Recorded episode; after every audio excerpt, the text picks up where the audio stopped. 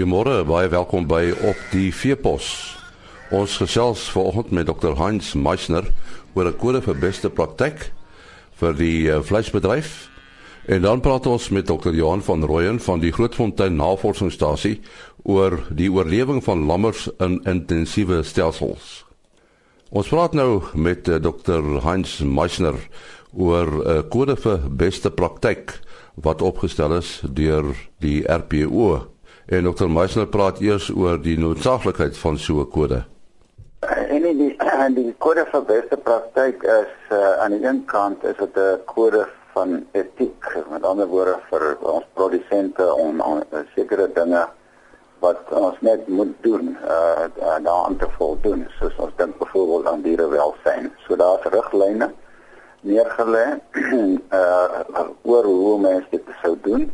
Aan die ander kant gaan dit ook oor bepaalde riglyne vir verskeie aspekte van die uh van die boerderypraktyk en of volhoubaar te uh, te boer en dan het ons dan ook sekere maatreëls uh wat om dit uit te voer soos ons in Engels sê die standard operating of uh, procedures of uh, SOPs. Uh so ons het verskillende aspekte daarin gehanteer uh wat dit vir die boer onmoontlik maak om uh volhoubaar vorentoe uh te boer. So hy kan hom in 'n sekere uh, sin uh, daaraan meet. Ja, uh dit sou is uh die gedagte is dan basies eintlik is om dan uh, dis dit is 'n vrywillige deelname, maar wat ons baie graag uiteindelik wil hê is dat daar 'n uh, onderneming is deur die boere en hulle onderteken eintlik dan ehm um, 'n onderneming om te sê hulle sal daaraan uh, voldoen.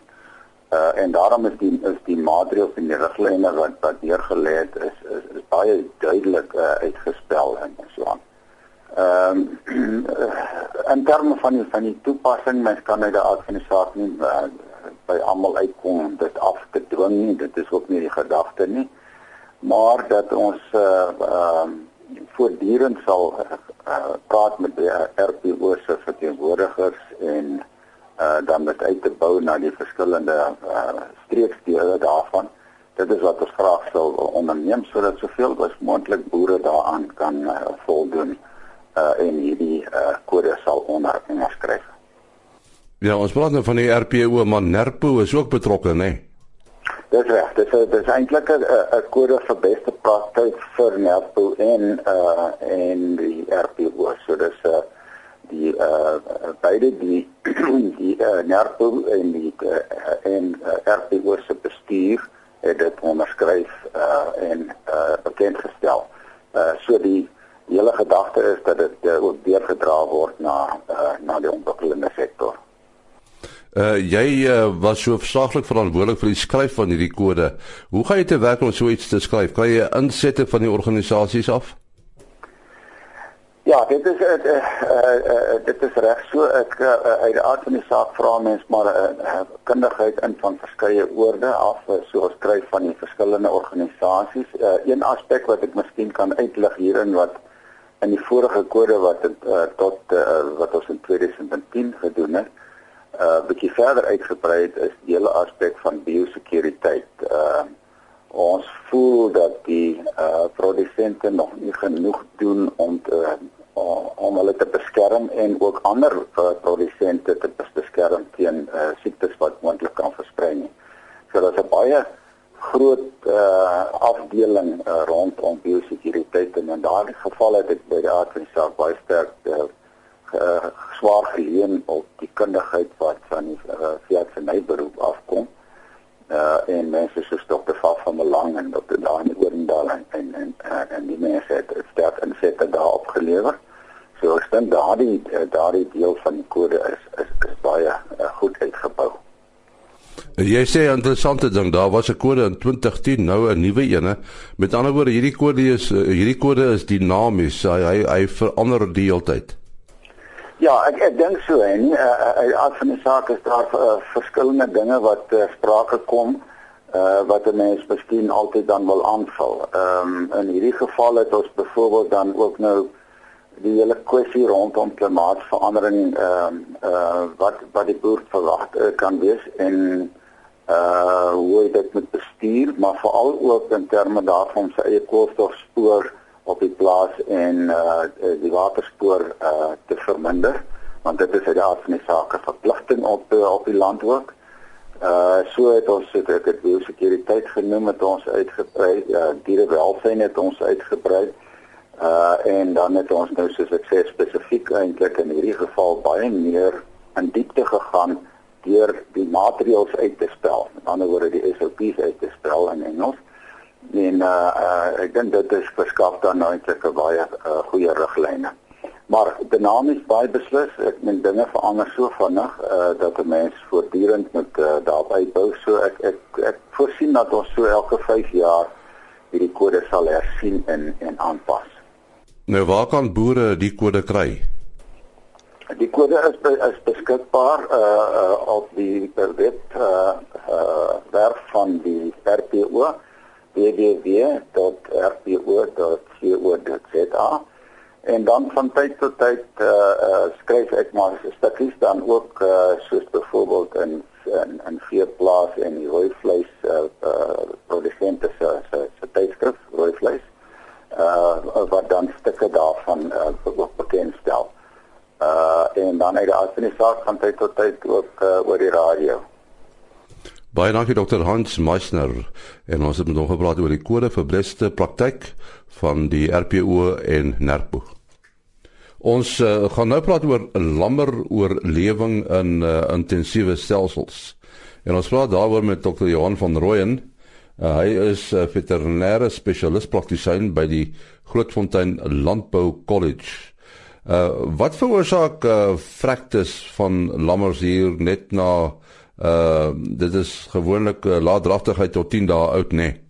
Die probleme wat ons in die in die kleinveebedryf rondom daardie tyd het is een van ons grootste probleme en die grootste deel daarvan uh draai maar rondom die moederseienskappe van die diere. En dan is daar so ons het ons identifiseer sewe identifiseer sewe tipes van bedreigings of hazards en daarvan is klimaat seker die belangrikste een. So dit is gewoonlik maar 'n wisselwerking tussen klimaat en moederseienskappe uh, wat lei tot ons landverliese in daai stadium. So as jy praat van klimaat, uh, is die Karoo dan die regte klimaat vir skaapboerdery? Ja, die die uh, klimaatprobleme wat ons het is die is die uh, gewellige koue wat ons soms het in die laat winter, vroeg lente en onthou ons kan tot Desember maand te soms sneeu kry. so dit is gaan maar oor oor koue meeste van die tyd ehm um, wat die wat die verkleiningsfaktor wat wat ons baie groot uh, bedreiging is vir klein lammetjies. Is dit selfs 'n groot probleem by intensiewe stelsels? Nee, 'n intensiewe stelsel waar intensief gelam word, is dit gewoonlik die rede een van die redes waarom die lammers uh, op hok gehou word of binne huis gehou word is juis om die um, die probleme rondom klimaat en dan ook predatore teen te werk. So verkleining is nie algemene probleem in intensiewe stelsels nie. En en uh, so iets soos indraai spene, hoe, hoe maak 'n mens daarmee? Kyk, ehm um, daar's 'n hele klompie genetiese defekte wat ons kry in lammers en waarvoor daar beslis geprul moet word. Met ander woorde, dit is as jy die genetiese defek in 'n lam identifiseer word, moet dan ook die ma en soms ook die pa te probeer uithaal uit die teeltjie uit. Die probleem met intensiewe stelsels en versorging van lammers, hanslammers soos ons dit noem, is dat mens dan nou die uh, genetiese probleem nie altyd identifiseer nie. So mens moet baie bedag wees daarop as jy 'n intensiewe langstelsel het om seker te maak dat sulke goed nie voor by jou glip nie. Hierdie begrip wat hulle noem stillbirth mismothering exposure. Dis 'n SME sindroom. Uh vertel ons 'n bietjie daarvan. Ja, dit is 'n term wat deur ehm um, besoekende ehm um, oorsese navorsers hier in die Suid-Kaap um, eintlik geskep is ehm um, uh, Dr. Hougie. Hy het gegaan en gekyk na lammervlektes in die Suid-Kaap en toe het hy gesê uh, mense kan dit goed bymekaar ehm um, klassifiseer. Ehm um, dat die die doodgebore lammers, die lam, lammers wat nie versorg word deur hulle maas nie en baie keer ook lammers wat vrek weens koue omdat hulle nie genoeg energie ingeneem het deur die melk nie, dat daai drie goed loop so saam dat 'n mens eintlik dit as een kan bestuur. Ehm um, en en daar's ook redelik genetiese verwantskappe tussen sulke goed so swaar geboorte, swak moederseienskappe, swak swak melkproduksie. Jy praat van moederseienskappe. Wat van moeders se gedrag? Ja, dit uh, moedersgedrag is is een komponent daarvan. Ehm um, daar's ook ander dinge wat uh, belangrik is, ehm um, soos byvoorbeeld die geboortekanale en melkproduksie vlakke. Ehm um, maar die die hele die hele opset rondom gedrag of die ooi agter haar lam kyk en of sy hom soek en vir hom versorg en maak seker maak dat hy skoon is en dat hy melk het al daai goed loop maar redelik saam en dit is also onder beheer van hormone. En as dit onder beheer is van hormone beteken en daar's waarskynlik een of ander genetiese komponent ook so ons sal vordering kan maak as ons die uh, probleme uitskakel op die genetiese vlak.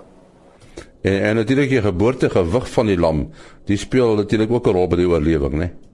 Ja, beide in die in die in die in die te ligkant sowel as aan die te swaar kant. Uh ons studies wys duidelik dat lammers wat 'n swak geboortegewig het, baie baie moeilik oorleef en ook baie moeilik sulke goed soos vroeg speen kan deurstaan. So lammers moet nie te lig wees nie. Dis baie keer as gevolg van swak voeding. En dan natuurlik lammers wat te swaar is uh, as gevolg van genetiese faktore, um, kan dan ook uh, probleme gee tydens geboorte en skade tydens geboorte wat dan lei daartoe dat die lam nie normaal optree na die tyd nie en dan moet nie versorg word nie. Johan, jou telefoonnommer? Uh, 082 46 33 087 Baie dankie dokter Johan van Rooyen van die Grootfontein Landbou College. Sy nommer net weer 082463 3087. Die volgende program is môre om 4 voor 5. Tot dan, mooi loop.